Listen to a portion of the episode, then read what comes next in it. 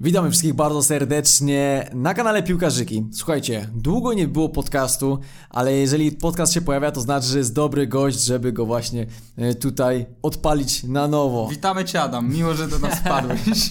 O, proszę Dobre, bardzo. dobre. Koza od razu przyjmuje tutaj prowadzącego, bardzo mi się to podoba. Oczywiście e, Kajtek Koza.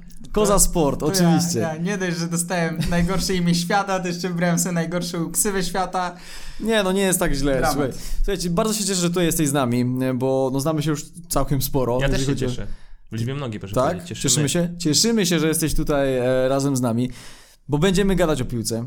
Też się będziemy, cieszę, też Będziemy się rozmawiać, słuchajcie, o tym, jak Koza w ogóle zaczął się interesować piłką. No i pogadamy też pewnie troszeczkę o Fifie, o tym, jak to wygląda w tym świecie na YouTubie, bo trochę tego jest, co?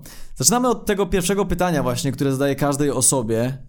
Jak to wszystko się zaczęło? Rodzinnie, czy po prostu nagle Kajtek postanowił, że zainteresuje się okrągłym, skórzanym przedmiotem, turlającym się i kopiącym przez 22 mężczyzn na boisku?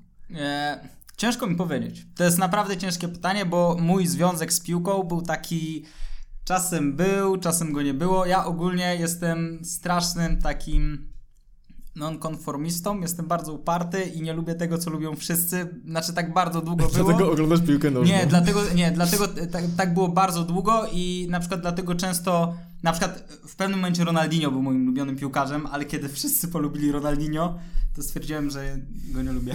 I kto był później? Nie, Wiesz co, zacznijmy od tego, że jakby e, ja piłką nożną tak jak każdy dzieciak się interesowałem od, od małego, bo była w, w domu, mój starszy brat jakoś strasznie nie ogląda piłki, on raczej poszedł w stronę motoryzacji, ale zawsze reprezentacja leciała, jakieś tam ligi mistrzów, które były na jedynce, czy w sumie na dwójce były kiedyś, e, leciały, e, no i to się oglądało, tak jak w, w, większości domów, nie jakoś mega, e, nie, nie była to jakaś mega popularna pasja u mnie, ale to co było takie Januszowe do oglądania to leciało, To tak leciało, jak myślę u każdego. E, No i tak, pierwsza, druga klasa podstawówki bardzo się tym interesowałem, e, ale w, e, i, i trzecia klasa też. Nawet byłem zapisany do klubu MKS Łodzianka, który nie wiem, czy jeszcze istnieje, czy też nie. Ale pozdrawiasz E, serdecznie. Pozdrawiam serdecznie, jeśli istnieje. E, I tam grałem trochę, ale moja kariera zakończyła się szybko przez dziwną kontuzję, bo wylądowałem w szpitalu. I to jest ciekawe. E, miałem jakiś odczyn alergiczny po ćwiczeniu główek. I to był odczyn bardzo nieprzyjemny, bo miałem obrzęk alergiczny mózgu. I to było przez No to zaczynamy porządnie. Wiem, zaczęło, zaczęło się naprawdę porządnie, no nie? E, bo wylądowałem w szpitalu, miałem 41 stopni gorączki, miałem tak spuchnięte czoło, że e, no, wyglądało to groźnie. E, tam dostałem jakieś leki alergiczne po trzech dniach wyszedłem ze szpitala, wszystko było ok, e, ale jakoś ta piłka przez to się rozmyła, no bo tam miałem przerwę, e, bo wypadłem przez to e, i potem zainteresowałem się karate tradycyjnym. Wiem, że ty też trenowałeś karate. No mógłbym E, pogadać tutaj, ale piłka nożna. Więc i to karate zabrało jakby mi większość czasu, już nie trenowałem, więc y, trenowałem to karate. E, potem, kiedy karate zaczęło się jakoś tak kończyć dla mnie w gimnazjum, wtedy pojawiła się deskorolka. E, I wtedy, no jak deskorolka, to nie można grać w piłkę nożną, bo jakby e, przyjąłem to To są zawsze, dobrodziejstwo. swoją drogą, to też jest ciekawe właśnie takie... Tworzą się takie grupy bardzo często, że Tak. osoby grające właśnie w piłkę bardzo często też nie, nie, nie, nie uprawiają innego, znaczy może nie, że nie uprawiają innego sportu, ale trzymają się tego jednego, bo właśnie są desko, deskorolka, snowboard i tak dalej, aczkolwiek ja powiem i tu i tu brałem udział. Tak No ja w tą skate kulturę wszedłem bardzo mocno, mimo że byłem absolutnie tragiczny, ale to na deskorolce Oli było? Praktycznie nie. Byłem tragiczny. Nie, to było w ogóle nie dla mnie, mimo że ja strasznie się tym jarałem. E, jeździłem dużo na desce, ale jeśli chodzi o triki i tak dalej, szło mi absolutnie tragicznie. Myślę, że to było spowodowane tym, że byłem wtedy też absurdalnie gruby. E, taka jest prawda, bo e, po tej, od czasu tej wizyty w szpitalu ja zacząłem bardzo szybko tyć. Nie wiem, czy to nie było spowodowane jakimiś lekami e, dosyć silnymi na tę alergię, bo to były silne sterydy antybiotyki i tak dalej. Od Bo ja do tamtego momentu byłem absolutnym szczupakiem, żebra na wierzchu i tak dalej. Po tamtej wizycie e, złapałem wagę niesamowicie i utrzymałem do, mm, do końca gimnazjum. I A to pozwolisz, że tutaj się wtrącę jeszcze tak, żeby nawiązać do właśnie tego wydarzenia. Czy to ma w tym momencie jakikolwiek wpływ na twoją grę, że, że unikasz gry głową albo coś Nie, zupełnie nie. E, Wpływ na moją grę ma kontuzja, którą miałem już chyba z dwa lata temu. Naderwałem stawy więzadła w kostce i kiedy mam sytuację taką jak wtedy, czyli mam wejść przed kogoś, mam blokadę w głowie, tak jakby boję się w- No tak. wbiec przed kogoś i wstawić nogę, e, no bo dosłownie wtedy słyszę, jak coś mi strzeliło w kostce. A jeszcze wracając do tej historii, to w gimnazjum była deskorolka. E, ta deskorolka trwała, nie wiem, z rok pewnie, coś takiego e, i pojawiła się koszykówka w moim życiu, która naprawdę zajęła bardzo dużo czasu, bo całe gimnazjum w zasadzie, liceum, potem jeszcze e, e, długo po tym czasie, więc tak naprawdę ta piłka tak przychodziła i odchodziła. Były momenty, kiedy w ogóle nie wiedziałem, co się dzieje, więc teraz jak ktoś rozmawia o jakichś latach, no ciężko mi jest teraz przytoczyć, na przykład 2008, to ja mogę w ogóle nie wiedzieć, co się wtedy działo, bo mnie to zupełnie nie interesowało. Staram się momentami to nadrabiać, ale No nie zawsze. ale też to- nie widzę trochę sensu, bo wolę się skupiać na tym, co dzieje się teraz, bo dzieje się tego dużo, więc przez to też moje sympatie klubowe bardzo były powodowane tym, gdzie byłem w, w danym czasie, więc kiedy byłem w Rzymie, bardzo zakochałem się w Romie i e, bardzo lubiłem Romę. E, miałem epizod, kiedy kochałem Manchester United ze względu na Paula Scholesa, więc nie, Trzeba było tak nie, zostać. nie boję no. się przyznać, że za moich młodzieńczych lat byłem strasznym To czemu? Bo teraz kibicujesz. Arsenalowi. Oczywiście. Przyznam Dlaczego? szczerze, Arsenal, bo pojechałem do Londynu, byłem na Emirates, jakoś wtedy zakochałem się w Arsenalu. To był rok, w którym już odszedł Thierry Henry, pojawił się Samir Nasri na pewno e, i to był chyba już ten sam moment, kiedy do Londynu przyjechał Łukasz Fabiański. Nie wiem, czy to był 2008? coś takiego. Coś ta... to Titi był... wcześniej, bo ja, byłem powiem. wtedy, ja byłem wtedy w Londynie, kiedy poślizgnął się John Terry. Hmm. Nie wiem, który to był finał. A, to jest Moskwa. I Eee, kiedy, I kiedy fantastyczny utwór miała Hiszpania na Eurowizji, bo był Tak. El Chiki Chiki z taką małą gitarą. Tak. No to To są, to, to są y, namiary. I od tego momentu mniej więcej tak się zacząłem identyfikować z Arsenalem. Jeszcze nie było to jakoś tak strasznie ten, ale zacząłem wchodzić powoli w, y, jakby w ten zespół z każdym rokiem coraz bardziej, coraz bardziej. E, No i tak myślę, że ogarniam to, co się dzieje w klubie tak naprawdę mocno od czasu, kiedy jestem na YouTubie. Chociaż kiedy byłem na YouTubie, strasznie jeszcze lubiłem Napoli. To były dwa kluby, z którymi sympatyzowałem. Ale tutaj nie ukrywam, w tamtym czasie dużo mniejsza dostępność Serie A spowodowała, że to, że mogłem oglądać Arsenal tydzień w tydzień, no i tak jakby wyeliminowała trochę Napoli, chociaż cały czas ten zespół bardzo lubię. Trochę wyeliminowałeś moje drugie pytanie zawsze, które zadaję, oprócz właśnie tego, jak zacząłeś interesować, jaki jest twój ulubiony klub, czy grałeś kiedyś piłkę nożną, no bo oczywiście twoja historia tutaj już wszystko to uwzględniła. Więc przechodzimy troszeczkę dalej. Jest Arsenal, gadamy dużo o piłce nożnej. Wspominałeś, że mm, nie interesowałeś się, a raczej starasz się interesować tym, co jest na bieżąco, nie wracać aż tak bardzo. Oczywiście czasem trzeba, żeby... E, Natomiast czy mm, jako fan Arsenalu teraz, ty w teorii nie zaznałeś tych najlepszych jego lat? Tak, to jest prawda. Jakby pamiętam, Czy, znaczy właśnie, pamiętam... jak postrzegasz klub Arsenal w takim razie? No bo wszyscy mówią oczywiście wielki klub angielski i patrząc na, e, na oczywiście historię tak jest, tego nikt podważyć nie może. Natomiast jakie jest twoje postrzeganie jako kibica, który dołączył powiedzmy od 2009-2010 e, na to wszystko? Czy czujesz tą wielkość, czy... Znaczy, przyznam szczerze, że yy, w ogóle jeszcze wracając do ulubionych piłkarzy, zawsze Thierry Henry był też kimś, kogo lubiłem. To Mimo, że na ten zgadzam. Arsenal nie zwracałem jakiejś strasznej uwagi, no to nawet jak było się dzieciakiem, który jakoś strasznie nie jarał się tą piłką, to ta elegancja, z jaką grał Henry, myślę, że jeżeli by się puściło po paru piłkarzy, to Henry byłby jednym z tych, który zostaje komuś w głowę. To jest jeden z tych piłkarzy, który e, tak jak Ronaldinho, tak jak Zidane na przykład, to nie, nie, mówię, że to są piłkarze najlepsi, ale to są jedni z tych piłkarzy, których zapamięta Wybitni się, bo oni Wybitni. mają to coś, nie? Więc e, czym dla mnie jest Arsenal? Powiem szczerze, że tak patrząc teraz, przez to, że ja zacząłem przez przypadek kibicować temu klubowi, ja nie boję się tego przyznać, że jakby byłem sezonowcem jakby tak jakoś tu trafiłem, to im dłużej e, zaczynam rozumieć ten klub, im bardziej rozumiem ten klub, e, to ja do niego bardzo pasuję, bo no ja miałem na przykład bardzo takie głębokie zajawki związane z reggae, z kulturą rasta, ogólnie z, lubię bardzo czarną muzykę, a to jest klub bardzo taki e, no kolorowy pod względem fanów. No nie boimy się tego przyznać, że jakby Londyn. Chelsea, No no ale. Chelsea jest na przykład z tych no, bogatszych dzielnic troszeczkę. E, no jakby Tottenham ma swoje korzenie e, w żydowskich imigrantach, prawda? E, jakby No to przyznam bo się, jest nie z tych wiedziałem. dziel- bo jest z tych dzielnic. Nawet Lead Army. więc jakby oni mają, y, oni się z tym bardzo identyfikują. Arsenal jest takim klubem tych wszystkich takich takiej zbieraniny troszeczkę, trzeba przyznać, i jakby ludzi, którzy nie do końca może byli akceptowani przez te wyższe warstwy i to jest jakby e, coś, co Ciekawe To podejście. jest coś, co na przykład mnie strasznie urzeka w hip-hopie i w reggae, nie? I to jest coś, co w tym klubie też jest, o czym ja nie wiedziałem i, i tak wyszło przez przypadek, że to także mi tu pasuje i to też mnie przyciąga.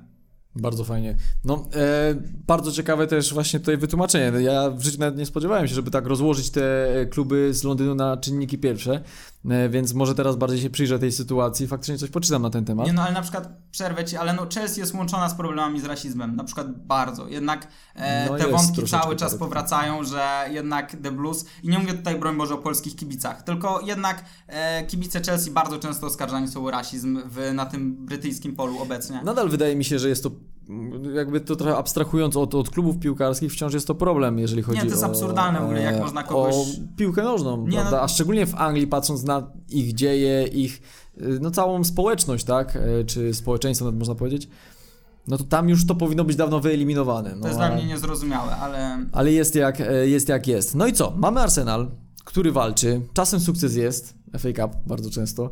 Czasem su- sukcesu nie ma. Jesteśmy w obecnych czasach. No to ostatnio była wielka akcja oczywiście z We- Wenger, Wenger, Wenger out. Ty byłeś, żeby ja tak troszeczkę ustalić. Out. Ja byłem Wenger out, yy, bo ja przyznam szczerze, że przez moje epizody związane z koszykówką, e, zespół, z którym ja się związałem w koszykówce, jeśli chodzi o NBA, to był Boston Celtics. E, Zespół, który ma, mm, kiedy grał tam Kevin Garnett, Ray Allen, Rajon Rondo, Paul Pierce. Wiem, że dla fanów piłki nożnej to nie jest w ogóle istotne, ale to jest zespół, w którym zawsze bardzo istotna była kultura wygrywania. I to był zespół, który nigdy nie akceptował porażek. E, zespół, który miał coś takiego, co się nazywało Ubuntu, czyli e, każdy za każdego umierał w tym zespole. E, I moim zdaniem, i to jest coś, co ja po prostu lubię w, w sporcie, i tego nie było już za czasów Arsena Wengera w ostatnich latach. Tam akceptowano mierność, a to jest coś, co no, do mnie w ogóle nie przemawia. I po prostu wydaje mi się, że sam Wenger też po, trochę się najadł tym wszystkim i tak jak w każdym zawodzie trzeba, tak jak mówi Kenke, pora mówić nara. Coś się kończy, Trzeba coś wiedzieć, zaczyna. kiedy ze sceny zejść. E, I on, I on po prostu troszeczkę za późno powiedział to nara, bo mógł spokojnie utrzymać zespół, znaczy oddać zespół na przykład przed zakończeniem tej fantastycznej pasy 20 sezonów w Lidze Mistrzów i jak to jego legacy, jak to jego dziedzictwo wyglądało inaczej.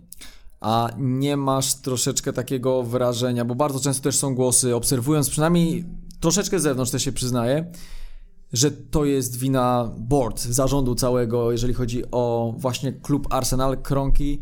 E, też bardzo często jest podawany jako osoba winna, może nie tyle porażek, co braku sukcesów. Nie, no Takich- to, to jest wina zarządu, jest wina zarządu, ale wierzę, że menadżer ma swoje ambicje też. I jakby jest świadomy też tego, że no skoro jest w tej strukturze ileś lat, to myślę, że mógł sobie zdać sprawę, że e, on może żyć wygodnie jeszcze przez te dwa sezony, które był, albo może odejść wielkim, mimo wszystko wielkim. Chociażby w sezonie wicemistrzostwa, kiedy Leicester było mistrzem, a Arsenal był wtedy drugi. I gdyby odszedł wtedy i powiedział, no nie udało się mi zdobyć Pokonać Leicester?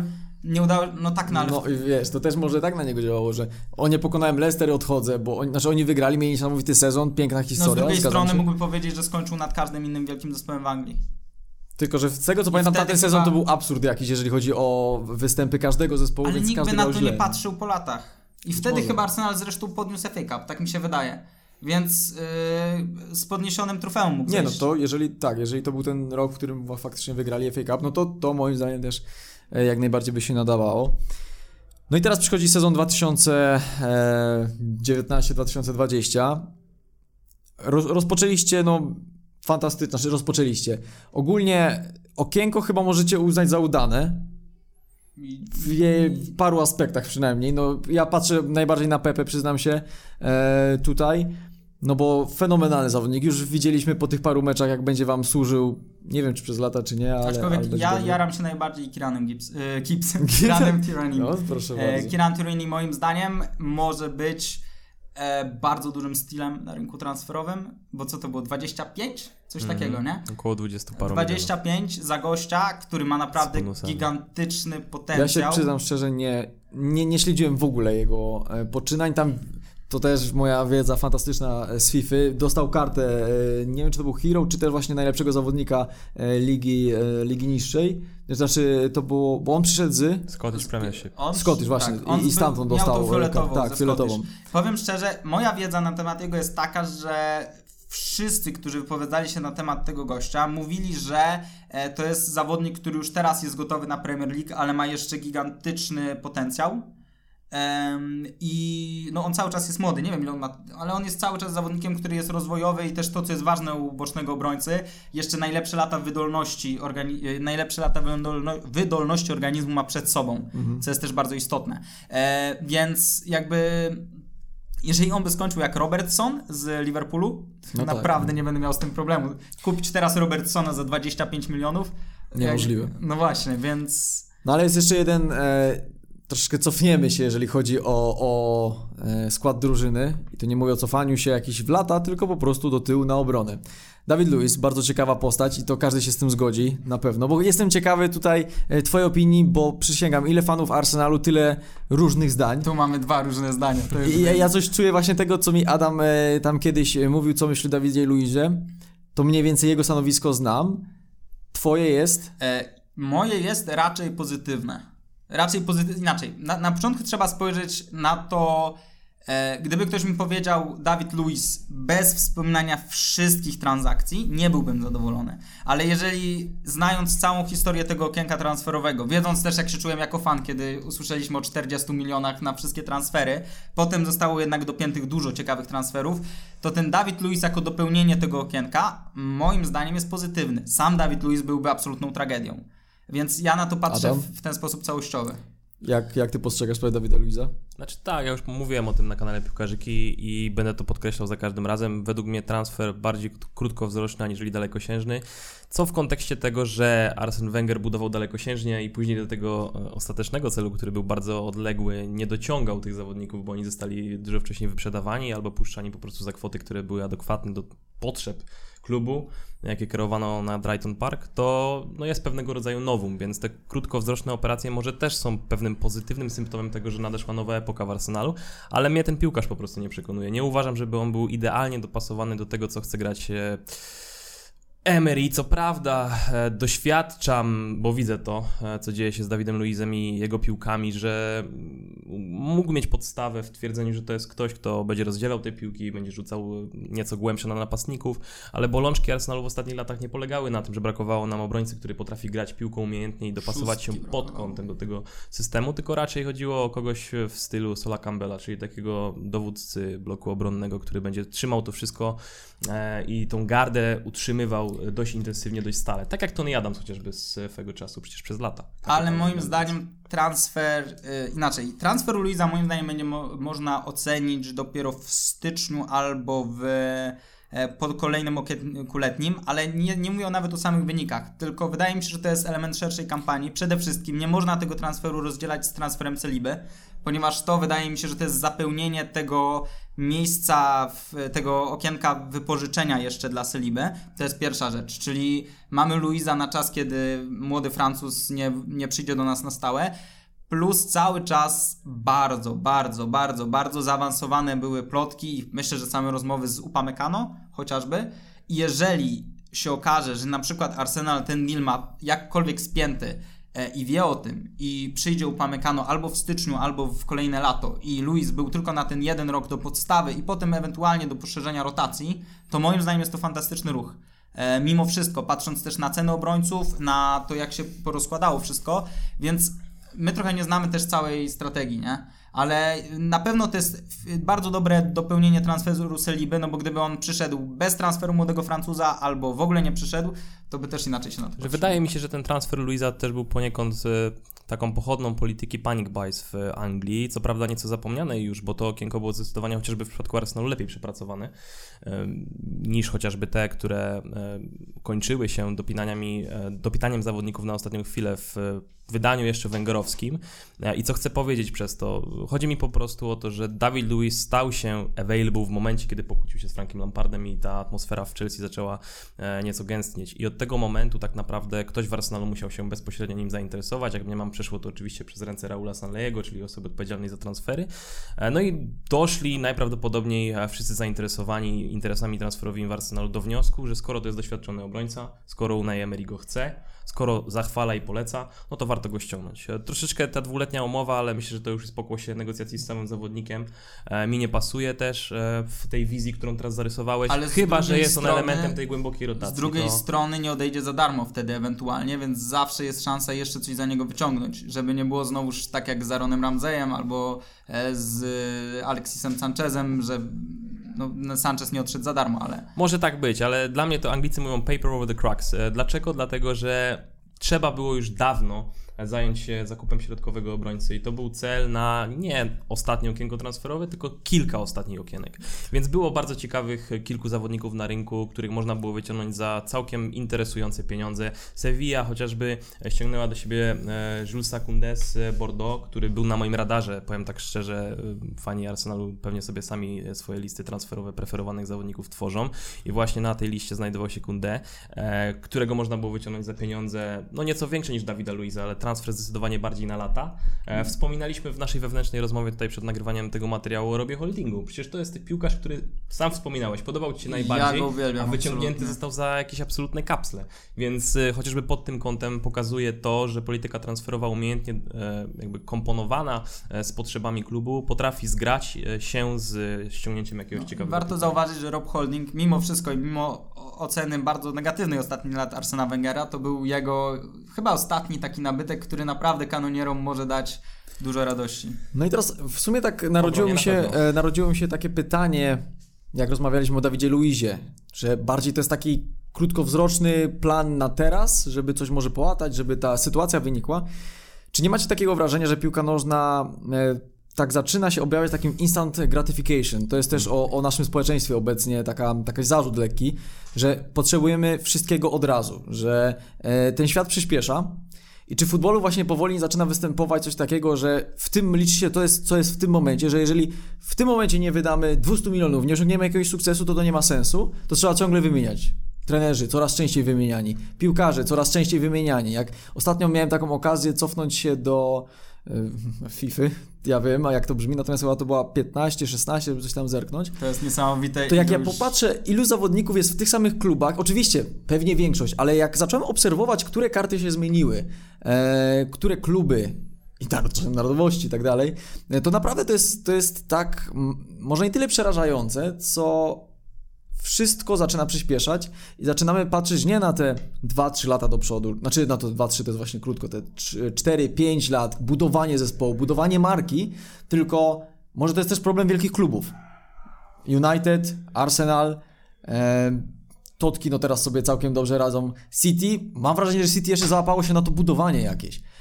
Kiedy, teraz jakby City miało pieniądze, to od razu musiało mieć sukces, którego no, nie nadszedł aż tak, e, aż tak sprawnie, nie? jeżeli dobrze kojarzę liczby. Czy e, patrzycie teraz na futbol, który, e, na futbol, że jest coraz szybszy i coraz szybciej trzeba osiągać sukcesy, bo inaczej cię wyrzucą. Nie, tak, nie tak jak Sir Alex Ferguson, który pomimo tego, że nie było na początku dobrych wyników, dostał szansę, no i potem okazało się, że był jeden z najlepszych, jakie kiedykolwiek grali w tę grę. Czy, czy, może, czy może jednak uważacie, że futbol nie zmienił się aż tak bardzo i nadal jest czas, żeby rozwijać? Moim zdaniem y, główną presją jest presja też oczekiwań fanów. Bo spójrzmy na fanów Real Madryt.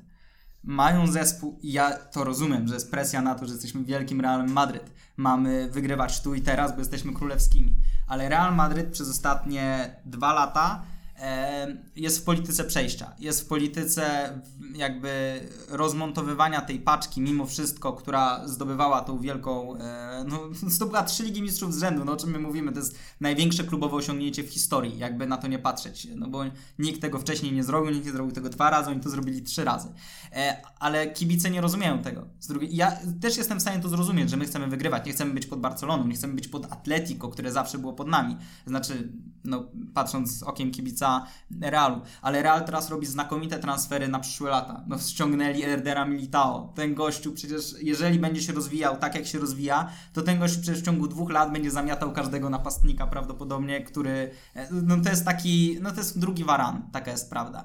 E, ściągnęli, e, Boże, tylko nie pamiętam, to jest Rebic, który przeszedł do nich na atak, czy... Jowicz. Jo, mi się zawsze Rebic, Rebic, z Rebic Jo- w Eintrachcie się mi się Rebic z Jowiczem zawsze będzie mylił, ale ściągnęli gościa, którym zainteresowane było pół Europy, który myślę, że w każdej podstawie składu by się łapał porządnego klubu europejskiego. Nie mówię o topce typu City i tak dalej, ale wszystkie od Borussii e, byłby w, w Atletico też myślę, że byłby w podstawowym składzie. Ściągają gości, którzy naprawdę będą za 3 lata niesamowici. Teraz są świetni, ale potrzebują trochę czasu. No ale kibicom się to nie podoba. Kibice chcą transferów na teraz. Ja to rozumiem, no ale skoro kibice, czyli ci, którzy jednak dają zarobić w tym biznesie, tego nie rozumieją, no to nie można mieć pretensji do tego, że kluby, które są firmami, które też mają zarabiać, wymagają. Bo kluby, które nie wymagają tego, jak na przykład Athletic Bilbao, będą szły tylko w dół, które, no Athletic wiemy, wszyscy ma taką politykę transferową, jaką ma, czyli opiera się tylko na baskach. Bask. E, I to jest klub, który jakby ma te swoje wartości ponadsportowe i patrzy na to, żeby ten klub funkcjonował długo, czyli inwestują w szkolenie i tak dalej. To jest klub, który gdyby chciał rozwalić cały hajs, jaki ma, spokojnie robiłby gigantyczne transfery, bo oni te pieniądze mają. Bo jeżeli kogoś sprzedają, to sprzedają go za absolutne, no no za gigantyczne pieniądze, jak na miarę takiego klubu i piłkarzy. I oni gdyby chcieli, to by byli w stanie robić te transfery, tylko tego nie robią, taką mają politykę, ale kibice to rozumieją, kibice nie wymagają więcej, bo nie mogą. Więc problem leży w tym, że wszyscy chcą więcej i e, za czasów Alexa Fergusona, z tego co wiem, to też myślano o tym na początku, że e, no, żeby go jednak usunąć. Tak, tak, no dlatego o tym wspomniałem troszeczkę, bo, e, no bo on na początku miał być wyrzucony. Już była taka presja troszkę właśnie ze strony prasy, ale jednak mu zaufali. Znaczy w tych czasach ewidentnie by się go pozbyto i to bardzo No, w szybko tych właśnie, by dlatego- go pod dywan, po, zamieciono by go pod Ale dywan. z drugiej strony jeszcze tylko powiem, a Liverpoolowi wypominano to, jak długo trzymano Brendana Rodgersa na przykład. Albo schodząc na polskie podwórko, z którym ja nie jestem zaznajomiony, ale Lech Poznań był klubem, który bardzo długo dawał czas zawsze trenerom, z tego co mi się wydaje, bo tak jak co jakiś czas wracałem do Ekstraklasy, tam ciągle był na przykład trener Rumak, był chyba dosyć długo w Lechu Poznań, takie mam wrażenie, nie wiem czy obiektywnie był długo, ale jak na realia polskiej piłki był całkiem długo i kibice jechali, że on tyle jest. Więc... Właśnie to chciałem teraz tutaj poruszyć i w zasadzie odnieść się do tego pytania e, Jacoba dotyczącego e, tego nastawienia na krótkoterminowy, krótkowzrocznie jakby kreowany sukces. Bardziej według mnie to jest adaptowalne do polskiego gruntu, dlatego że w Polsce jest nastawienie na to, żeby doraźnie zgarniać pieniądze z tytułu utrzymywania się na przykład w ekstraklasie, dlatego ściągamy popularnie przyjęty w słowniku już szrot zagraniczny, dlatego nie filtrujemy e, piłkarzy pod kątem ich talentu i tego, jak mogą szybko ewoluować i stać się gwiazdami światowego formatu, tylko raczej stawiamy na takich, którzy w przeciągu dwóch, trzech lat dadzą nam poczucie stabilności i tu jest problem, do którego trzeba by było uderzyć, bo z polską piłką jest w zasadzie no, największy e, issue w tym względzie. E, Stan, stan zagranicznego futbolu ja bym mimo wszystko ocenił na w miarę dobrze planowany, tym bardziej teraz e, według mnie mam takie przeczucie, że nastąpiła rewolucja pod tym, e, pod tym względem, że zmieniła się percepcja, zmieniło się patrzenie na to, e, jak powinno się klubem e, zarządzać w wielu dużych firmach. Oczywiście to jest być może intuicja związana z tym, że teraz po prostu tych klubów bardzo dużo mam okazję obserwować, ale no po prostu jest chyba jakaś taka, jakaś taka restytucja tego, co kiedyś było istotne, czyli budowanie klubu od podstaw, co ma też związek z tym, że Alex Ferguson utrzymywał się przecież przez lata na swoim stanowisku, głównie dlatego, że mu zaufano w pierwszej kolejności, więc może jest tym jakaś e, głębsza prawda w tym, co mówię. No, takie są moje odczucia na ten temat. To ja bym jeszcze tylko powiedział, Arsenal jest bardzo ciekawym klubem, bo on przeszedł taką amplitudę w ciągu jednego sezonu swojej polityki e, wyznaczanej tym, kogo zatrudniają, bo przecież był zatrudniony Sven Mislintat, nie wiem, czy tak się wymawia nazwisko, Tak. no ale to jest absolutna gwiazda na rynku e, dyrektorów sportowych, czy też szefów scoutingu slash transferów, bo przecież to jest typ, który odkrył Dembele, to jest gość e, Usmana Dembele, który odkrył tak naprawdę Pierre Amerika Aubameyang albo stwierdził, żeby dać mu szansę w Borussii. To jest człowiek, któremu, dzięki któremu Borussia teraz e, no, bazuje cały czas na tym, że on tam był. On przyszedł do Arsenalu, znalazł Mateo Genduziego. Moim zdaniem to może być jeden z najbardziej historycznych, no to może, może nie najbardziej historycznych, bo najbardziej historycznym stylem, dla mnie zawsze będzie Riyad Mahrez i N'Golo Kante, bo to za ile przyszli, skąd przyszli, a jak skończyli, to jest niesamowite. No ale to jest zawod, jakby to jest transakcja tego pokroju. To jest gościu, który przychodzi z drugiej ligi francuskiej, gdzie no nikt nie słyszał o Matteo Genduzim. Wchodzi do pierwszego składu Arsenalu nie dlatego, że wszyscy są kontuzjowani, tylko dlatego, że jest niesamowity.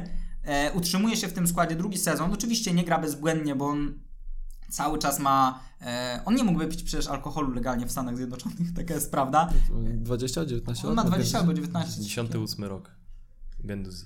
No to, 21. 20, może 21. no, no to, no ale by miał problemy możliwe, że skupieniem piwa w Stanach Zjednoczonych, a jest podstawowym zawodnikiem w czoł, klubie czołówki Premier League, taka jest prawda. Jest wyciągnięty absolutnie znikąd, umówmy się. E, I Arsenal zatrudnił Svena Mislintata i potem ten odszedł chyba z powodu e, różnicy wizji z Emerym, nie wiem jakby... To znaczy, chyba po prostu minął się z tym dobrą, z dobrą koniunkturą na robienie biznesu w Arsenalu, wydaje mi się Mislintat, bo on po pierwsze jeszcze był za czasów, kiedy był taki duch Gazidisa utrzymujący się w klubie, czyli tej poprzedniej epoki związanej z Wengerem, tą opieszałością w transferach, e, tym mozolnym i tak naprawdę przeciąganym stylem transferowym, który gdzieś tam objawiał się dopiero ruchami pod koniec okienka. I tych, którymi Więc- mogliśmy podpisać. Tak, więc on po prostu minął się z dobrą koniunkturą. Gdyby Sven Mislintat został troszeczkę dłużej, gdyby dociągnął do tego momentu, w którym Wina i Raul zrobili niesamowitą robotę, bo w pierwszej kolejności pojechali i zaczęli tak naprawdę dyskutować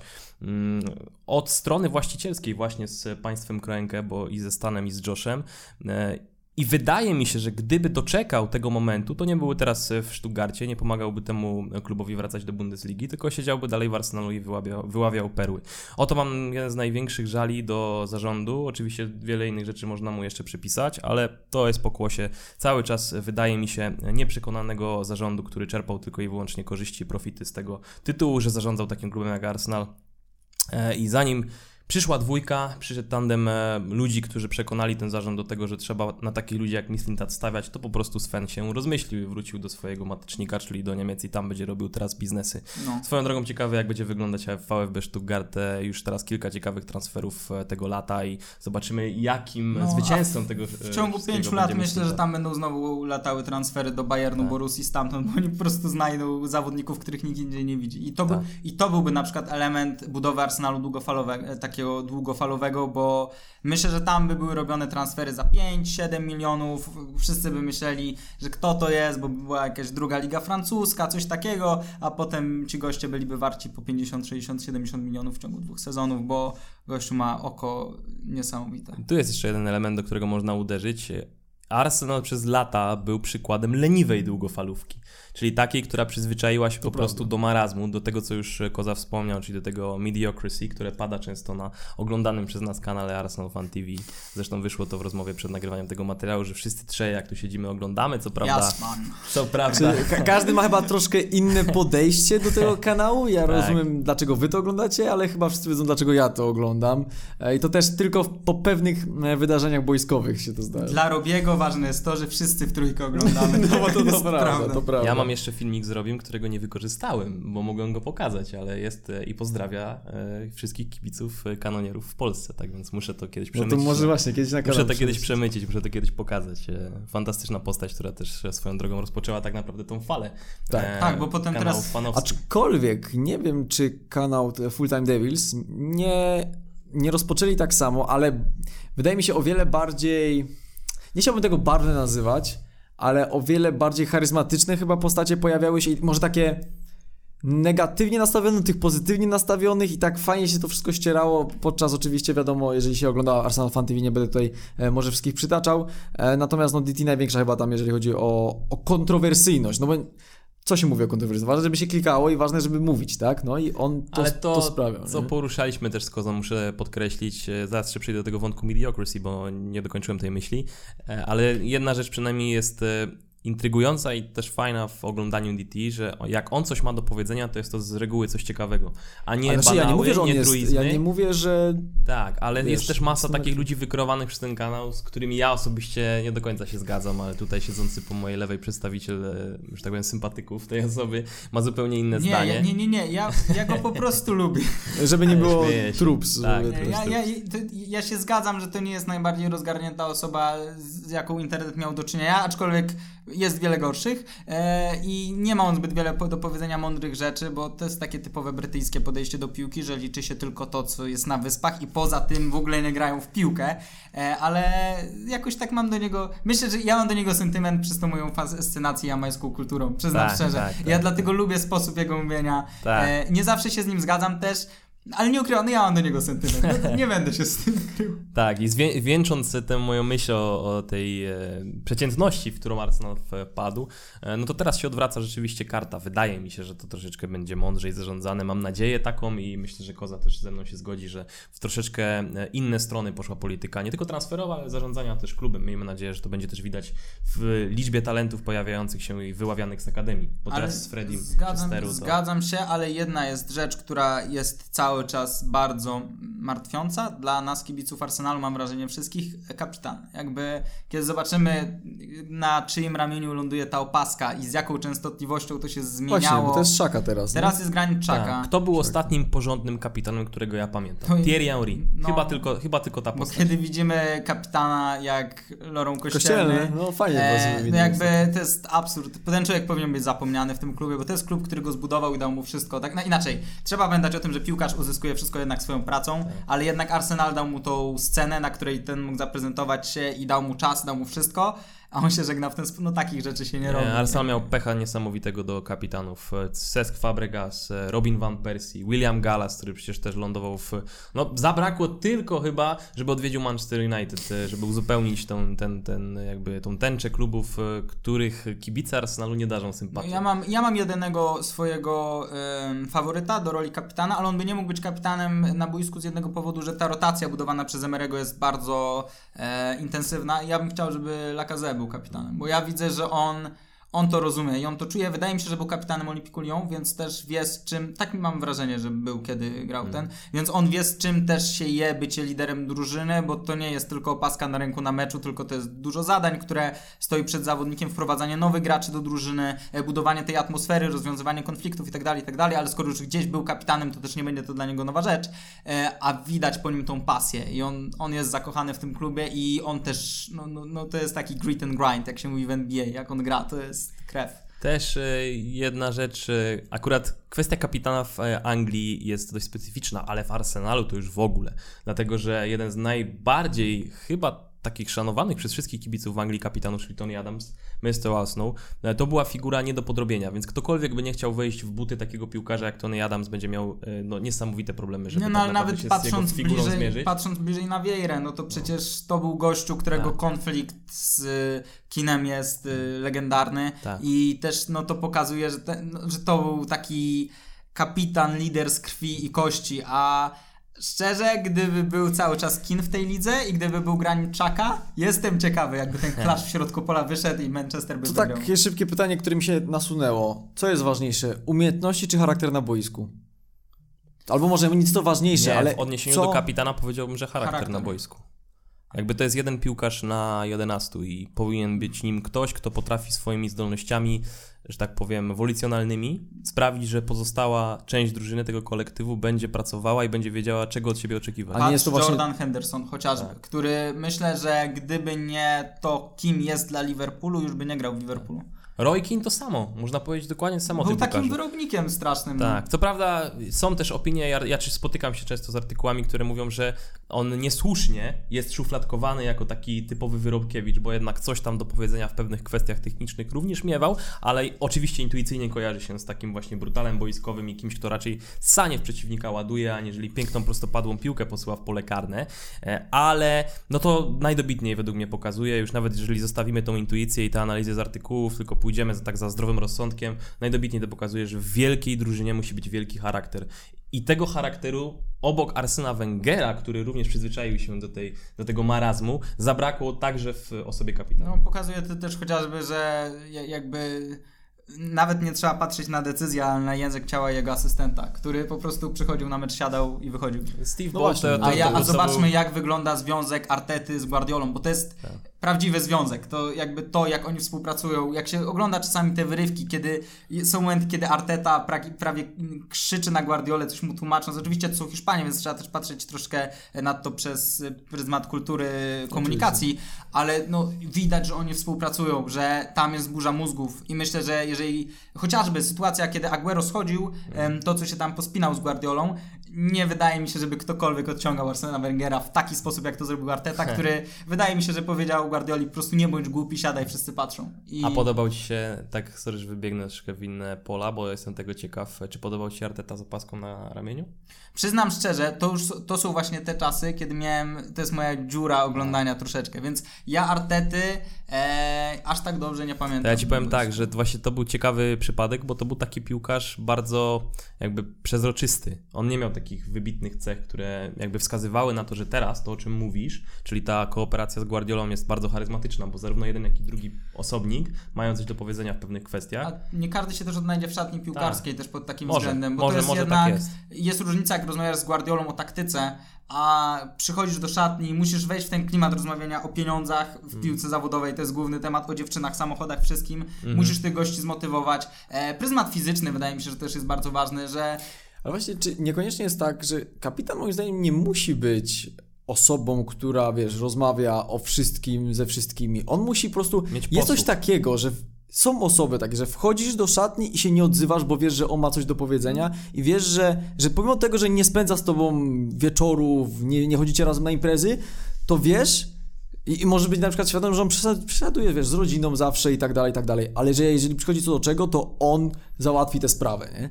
I właśnie czy ta postać właśnie nie jest taka ważniejsza niż żeby ze wszystkimi żyć dobrze, bo ten, który żyje ze wszystkimi dobrze, nie, to nie, Wiesz, nie chodzi nie? o to, żeby żyć ze wszystkim dobrze, to broń Boże. Był ktoś taki przez lata w Manchesterze, ale nie po tej stronie, która Ciebie by satysfakcjonowała. Wini Kompany. To był dla mnie kapitan Tak. wzór. To był kapitan no właśnie można by chyba nawet Ale to jego określić o tą osobę. ojcu odziedziczył ewidentnie, to jest...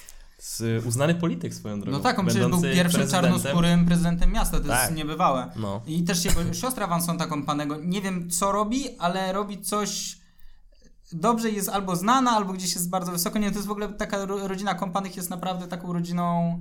Dobra kongijska krew. Nie, Porozmawialiśmy w takim razie o troszeczkę, co myślicie o Arsenalu obecnie, więc też wypada mnie zapytać, jak widzicie ten sezon? Jak skończycie? No bo żebyśmy już ten wątek tego klubu z Londynu zamknęli troszeczkę i może porozmawiali na temat parę słów na pre Premier League i, i, i jeszcze może YouTube'a, tak jestem ciekawy, jak przewidujecie, co się stanie. Inaczej, przewidujemy kto będzie mistrzem, bo Nie, ja nie, nie, nie, mówię o. Arsenalu. E, więc no zostały nam po dwóch pierwszych miejscach, bo uważam, że to jest bezapelacyjne. W tym sezonie dwa pierwsze miejsca są zajęte, tak jak Tak, w zeszłym i jakby ta różnica pomiędzy Liverpoolem a Liverpoolem City a resztą Anglii to jest no, nie do przeskoczenia w tym momencie jeszcze. No ja tutaj jeszcze nakierowując e, kozę na odpowiedź e, już taką konkludującą, to powiem tak. Liga Europy i top 4. Bo nawet Nicolas Pepe, kiedy przychodził do Arsenalu, mówił, że w zes- w zeszłym sezonie się nie powiodło z Ligą Europy, może teraz się uda, więc liczę na to właśnie i na top 4 może uda się do niego wślizgnąć, chociaż będzie to niezwykle trudne zadanie, ale myślę, że stać na to ten zespół. Ja mam tylko marzenie takie, że jeżeli zdobędziemy Ligę Europy, że to nie będzie uznane za sukces. To jest dla mnie bardzo istotne. Ja wiem, że to głupio brzmi, ale y, to powinna być, jeżeli byśmy wygrali Ligę Europy, do czego jest bardzo długi jeszcze czas, to się wszystko może wydarzyć, to żeby to był jeden wieczór, kiedy się cieszymy, bo wygraliśmy coś, ale następnego dnia zapominamy o tym i nie chciałbym, żeby Arsenal uznawał tego za sukces swój, bo to by był, Tak. to by, to by był taki spadek ambicji. To, Tak. był, to był dla mnie na przykład e, bardzo zły sygnał Manchester United. Ale tu się nie zgodzę z tobą. Było tak, cieszyliśmy się, tak jak powiedziałeś, cieszyliśmy tego jednego dnia, ale później nie było już takich wesołych, że, że zdobyliśmy. No nie, no, po wie- obserwując po- przynajmniej kibiców United, nie, nie po wielu kibicach, którzy to na przykład wypominali, chociażby Arsenalowi i tak dalej, że Arsenal odpada Ale w... czy to jest, wiesz, jakie są te przepychanki pomiędzy kibicami, nie? Nie, no, zgadzam się, ale jakby- Kiedy rozmawiasz z kimś na poważnie, To, to inaczej, to ja jako kibic Arsenalu chciałbym, żeby to był jeden fajny wieczór, gdyby to się udało. E, I jeden fajny wieczór potem zapominamy, to była po prostu kwalifikacja. Tak jak jest kwalifikacja do euro. Się cieszysz ten jeden wieczór, że jedziesz na czego- euro, ale potem pracujemy dalej. Tak, z czego my się cieszyliśmy, to tego, że będziemy mieli Ligę Mistrzów bardziej niż z tego, że No wygraliśmy tak, to. tak. Ale No. ja bym stawiał Arsenal w tym sezonie. Myślę, że patrząc na to, że jak niewiele brakowało w zeszłym do top 4, a to był dużo gorszy zespół, nam brakowało jeden punkt do, do top 4, e, ja bym stawiał trzecie miejsce mimo wszystko. No odważnie. Ale tutaj trzeba jedną rzecz podkreślić, muszę ją powiedzieć, bo wyjdę na hipokrytę. Celujemy oczywiście we zwycięstwo, w zwycięstwo we wszystkich rozgrywkach. To jest ten No, cel, oczywiście. do którego trzeba dążyć, bo inaczej e, osiądziemy, może nie na Oczywiście, że laurach, tak. bo nie ma w zasadzie tych laurów wyłożonych przed naszymi stopami, ale na tej przeciętności, No, której nie, chcemy się wyzwać. Nie, zgadzam się. Moim zdaniem, znaczy, moim zdaniem top, to trzecie miejsce to powinien być środek, do, jakby to powinien być cel, który sobie stawiamy w dalekosiężnej polityce. Taki normalny. Tak, że wiem, że to powinniśmy osiągnąć w tym sezonie, żeby budować na tym dalej, bo bez Ligi Mistrzów nie podpiszemy pewnych piłkarzy, nie będziemy mieli pewnych wpływów. No poza tym każdy klub chce grać w Lidze Mistrzów. A poza tym, patrząc na całą Premier League, moim zdaniem sytuacja w tym sezonie jest bardzo ciekawa, e, bo Chelsea e, no, straciła fantastycznego menadżera. Co by nie mówić o Mauricio Sarri. Ja wiem, że wielu ludzi jest, którzy go nie docenia i tak dalej, ale moim zdaniem Mauricio, Sar- e, Mauricio Sarri odciągnął absolutny majst- majstersztyk z tamtą Chelsea, którą miał w zeszłym sezonie, zdobycie Ligi Europy e, i za awans do top 4 z tamtą Chelsea.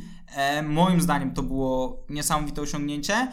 E, no a teraz Chelsea straciła nie dość, że Edena, Edena Hazarda, który był liderem tego zespołu bezapelacyjnie. Em, To jeszcze to bym był moim zdaniem w stanie, to by było do przeskoczenia, e, bo bardzo często jest tak, że kiedy odchodzi lider, e, te zadania rozkładają się mimo wszystko na zespół i też zespół gra w mniej przewidywalny sposób, bo ta była trochę, Chelsea była tak jak jest Messi dependencja w Barcelonie, to była Hazard dependencja, a w zasadzie Hazard dependence, jeżeli jesteśmy, czy dependency, Em, ale tam strasznie Eden Hazard, jeżeli się wyłączało Eden Hazarda, co oczywiście nie jest proste, to się strasznie niwelowało atuty Chelsea. W tym roku jest trochę inaczej, no ale stracili Sariego, a Lampard nie wiem, czy jest gotowy w tym sezonie dowieść. Tottenham, Zobaczymy. Tottenham moim zdaniem jest w sezonie, w którym to wszystko się zawali i nie mówię tego jako fan Arsenalu, tylko uważam, że mm, jest bardzo możliwe, że Mauricio Pochettino albo nie dokończy tego sezonu, albo że to będzie jego ostatni sezon, bo tam moim zdaniem będą kwasy straszne. Bo to, że Eriksen nie odszedł i odejdzie, e, podpisując kontrakt z kimś nowym, ale będzie obrażony cały sezon i teraz się zaczęło takie trochę karanie Eriksena tutaj,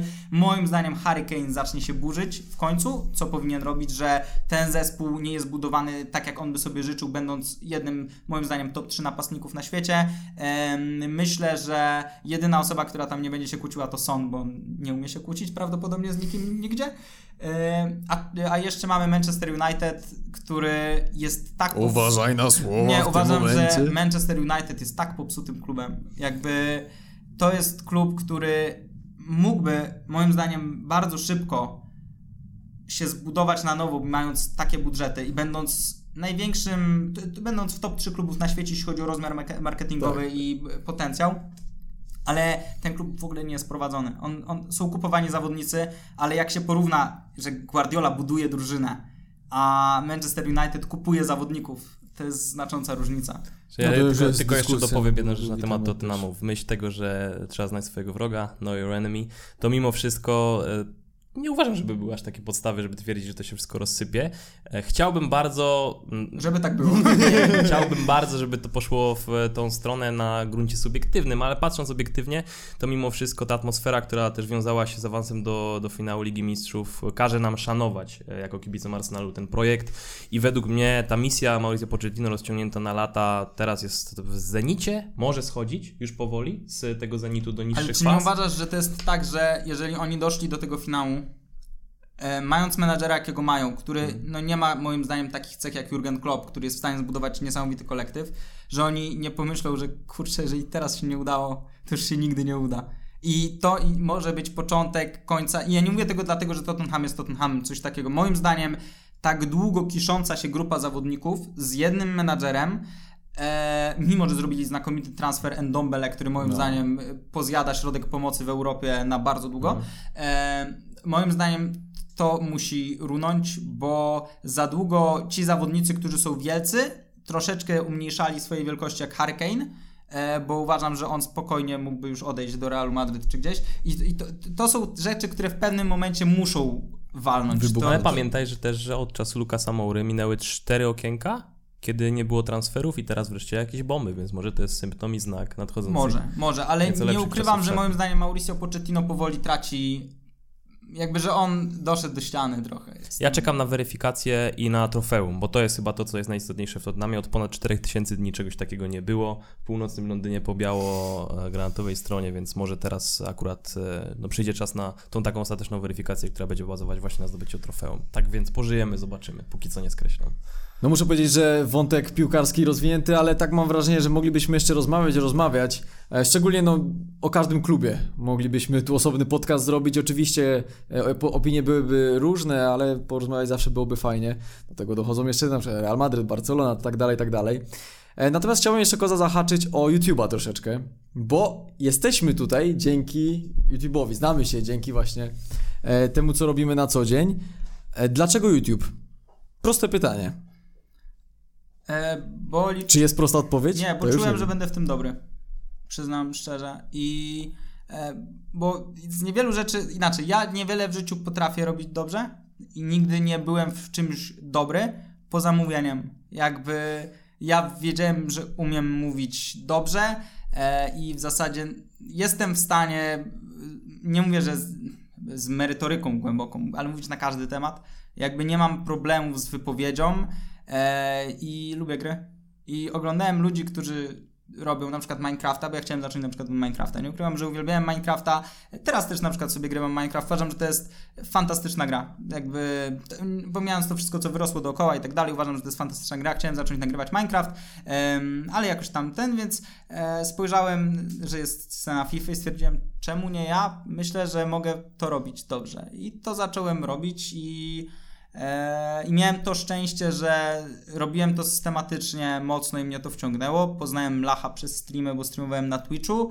E, No i jakoś tak wyszło, że się skumaliśmy. Tak, Trzy, e, trzy najważniejsze cechy do rozwoju YouTubera. Co byś, albo cechy, jakby rzeczy, które powinieneś mieć, żeby iść do przodu. e, cechy, które powinieneś mieć. Ja zacznę od cech, które uważam, że mi pomogły. E, Systematyczność em, to jest pierwsza cecha na pewno.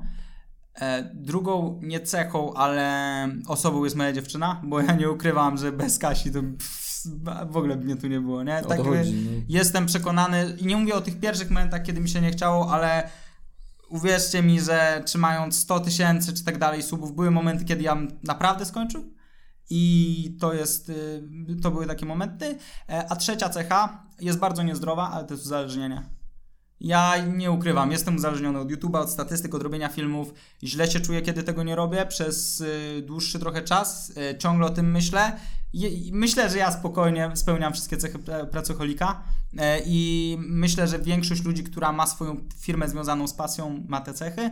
To jest bardzo niezdrowe, jest to bardzo niszczące, ale z drugiej strony jakby no mam tego YouTube'a, więc to jest Myślę, że piłkarze na przykład, którzy dochodzą gdzieś wysoko, mają podobną cechę, że po To prostu... jest katalizator jakości, jakby nie patrzeć. Nie, nie ukrywam. Jestem, to jest u mnie cecha pracocholika. To, ile ja potraciłem przez YouTube'a znajomości i tak dalej, to, ile rzeczy mnie ominęło, e, to jest no, niezliczona ilość wyjść ze znajomymi, bardzo dużo ludzi, których e, przez to straciłem w jakiś sposób, chociaż brzmi to strasznie, to ja bym tego YouTube'a nie zamienił na, na nic innego, ale jestem świadomy, że nie jest to zdrowe. Czego możemy spodziewać się? Oczywiście zgaduję, że nie chcesz tu jakichś wielkich szczegółów albo może planów zdradzać od kozy w przyszłym roku albo przez najbliższe lata. Czy masz jakąś ścieżkę wyznaczoną, czy raczej żyjesz tak, może nie tyle z dnia na dzień, co e, Z tygodnia na tydzień. z tygodnia na tydzień, z miesiąca. A nie, no właśnie o to mi chodzi. Czy, bo akurat FIFA jest tak mocno zmieniającym się aspektem, że nie wiesz, co się wydarzy aż tak bardzo. Trochę tak, trochę nie, no bo zawsze wiesz, że wyjdzie kolejna i tak dalej, nie? Dlatego mówię, czy jak na to, y, czy masz jakiś plan rozwoju, czy raczej żyjesz takim będzie co będzie, robię najlepiej jak mogę i wiem, że to za, będzie po prostu procentowało. Powiem tak, y, myślę, że gdybym był w innym miejscu finansowym niż jestem teraz, łatwiej byłoby mi określić plan bardziej odważny, bo y, dobrze wiesz, że do pewnego momentu, kiedy na przykład nie masz jakichś bardziej stałych współprac i tak dalej, to boisz się coś zmieniać, bo jeżeli to działa i daje ci bezpieczeństwo, szczególnie finansowe, które jak już jesteś dorosłym człowiekiem jest bardzo istotne, e, to boisz się zrobić ten krok do przodu, bo może wyjść znakomicie i może być super, ale co jeśli nie? Więc e, na pewno nie chcę, nie będę robił jakichś radykalnych działań. E, coś, co mówię od w zasadzie z każdym rokiem, że w tym roku będzie więcej piłki. Finalnie tej piłki prawdziwej kopanej jest. E, Na pewno nie będę ukrywał, że moim marzeniem jest kierunek, w którym poszedł troszeczkę Spencer z własnym klubem piłkarskim e, i coś takiego mam w przygotowaniu. Nie na taką skalę, ale wydaje mi się, że to by było coś. e, No, robię coś w tym stylu, co może się przyjmie, może się nie przyjmie, bo to też nigdy nie wiadomo. Bo najgorsze jest, że możesz mieć pomysł, który ci się wydaje najlepszym pomysłem na świecie, że w ogóle Wszyscy pokochają. tak, a potem tego nie ma, nie? Tak jak na przykład, powiem szczerze, byłem przerażony patrząc na statystyki pierwszego odcinka Milan to Glory na początku, bo jednak, no włożyłem tam, no nie wiem, nie, nie wiem ile policzę, nie, nie policzę, myślę, że z, e, trójka, czwórka, piątka tam e, mówimy o tysiącach złotych weszła w to, no, no bo pojechałem do Mediolanu, tam nagrywałem, trochę musiałem się zaopatrzyć w sprzęt i tak dalej, do nagrywania scenek w karierze w FIFA, to jest w ogóle, ale to jest kwestia też ambicji, bo wydaje mi się, że a propos tego, co gadaliśmy o tych cechach, te ambicje są niezwykle istotne. No i, i na przykład byłem przerażony, jak to idzie. Teraz się ta seria podniosła troszeczkę. Jest fajnie, wyświetlenia nie są tak fajne, jakbym chciał, bo nie ma tych wymarzonych 100 tysięcy. Właśnie, czy wyświetlenia to wszystko?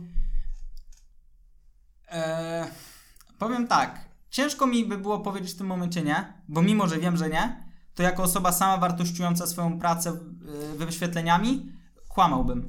Czy to nie jest troszeczkę tak, że wyświetlenia, y, inaczej, że o braku wyświetleń i to, że one powinny i tak, że liczy się content, mówią tylko osoby, które nie nagrywają albo nie tworzą materiału Yy, żadnego na myślę, YouTube? Myślę, że tak. Znaczy, jesteś w stanie czasami zrobić materiał, bo też problem jest taki, że gdybyśmy my wiedzieli, jak działa YouTube, czego dobrze, że nie wiemy, bo gdyby każdy wiedział, to ten YouTube by nie działał dobrze, ale problem jest taki, że ja mogę zrobić najlepszy film o, dajmy na to, bieganiu, jaki chciałbym zrobić, bo od jakiegoś czasu biegam na przykład e, i chciałbym zrobić e, film o takim mój, moim love and hate relationship z bieganiem, bo nienawidzę wychodzić biegać, ale jak biegam, to już jest fajnie. I myślę, że dużo ludzi tak ma i myślę, że to byłby fajny film, ale jeżeli ten film zrobi 20 tysięcy wyświetleń, to ja będę mega niezadowolony. Ja będę wściekły, że go zrobiłem, mimo że byłby to dobry film. Taka jest prawda. A poza tym bałbym się, że ten jeden film może pociągnąć mój kanał na dół. To są w ogóle absurdalne rzeczy, których się boi youtuber, bo nie wiesz, co się stanie, jak wrzucisz ten film i ten film będzie miał słabe zaangażowanie i tak dalej. Nie wiesz, czy kolejne filmy nie zaczną iść w dół. Jak zaczną iść w dół, to co wtedy? Co jeżeli YouTube cię zakopie? Zdarza ci się mieć zły dzień, bo idą źle wyświetlenia? Tak, jakby za każdym razem. Ja, ja mówię, ja mam bardzo niezdrowe podejście do YouTube'a. Ja się z tym zgadzam. E, znaczy ja, gdyby ja jestem e, tego świadomy, że to jest bardzo złe, e, ale z drugiej strony ta satysfakcja, jak coś ci wyjdzie, to ci w ogóle e, rekompensuje wszystko. No jak wy się poczuliście, e, jak wam te państwa miasta poszły, nie? Przede wszystkim poczuliśmy się zaszokowani. No nie, ale, szok. ale Co jesteś, dzieje? kurczę królem świata, jak widzisz, że odświeżysz po godzinie i jest tych wyświetleń jeszcze więcej i tych komentarzy, że ludzie są zajarani jest jeszcze więcej, ale potem masz film, który, em, no tak jak myślę, że wy celujecie obecnie w koło 20-30 tysięcy? No nie wiem, zależy, gdzie- zależy, O, w jakie, zależy. zależy. w jakie No dobra, ale załóżmy, że strzelasz. estymujecie te wasze rozrywkowe 15. materiały Ale na, rozrywkowe tak, rozrywkowe na na pewno 20-30 więcej. tysięcy, a umówmy się, że taki film zrobi 9. I wtedy No, jest nie wiesz, co złego zrobiłeś. Dlatego, I... dlatego tutaj chciałem delikatnie podkreślić właśnie ten, że to są dwie różne perspektywy, czy to na YouTube przykład nie jest widza, czy, czy twórcy. Koza, słuchaj, dziękuję Ci bardzo w takim razie za ten Dziękujemy, podcast. Wydaje mi się, nawiązując do dziękujemy. początku oczywiście, materiału. Oczywiście, Ja, przepra- ja wiem, że ja E, dużo się wtrącałem, ale ja lubię mówić. I to jest powód, dla którego ja nie, nie mogę mieć podcastu, bo ja uwielbiam podcasty, ale mój podcast miałby tylko jedną osobę. Zaraz za wszystkie wtrącenia się rozliczymy. Tutaj Adam już konto przygotuje i dokładnie. E, dziękujemy Ci bardzo za, e, za udział. Mamy nadzieję, że widzowie dowiedzieli się czegoś nowego, bo założę się, że były smaczki, które tutaj przekazałeś i których wcześniej aż tak bardzo e, nie mówiłeś. No i po prostu mi się świetnie rozmawiało, Adamowi na pewno też. No, Dama nie dopuściłem teraz, za bardzo do teraz, teraz wreszcie się wypowiadasz w liczbie mnogiej. Co No, się słuchaj. stało? Słuchaj. Słuchaj, tak jest. Dziękuję Wam bardzo, dziękuję Ci Koza. Dziękuję no i bardzo. co? Widzimy się następnym razem. Zapraszamy na kanał Kozy, wszystko będzie na linku w opisie. Dzięki wielkie. Do zobaczenia, do Trzymajcie się, usłyszenia. cześć.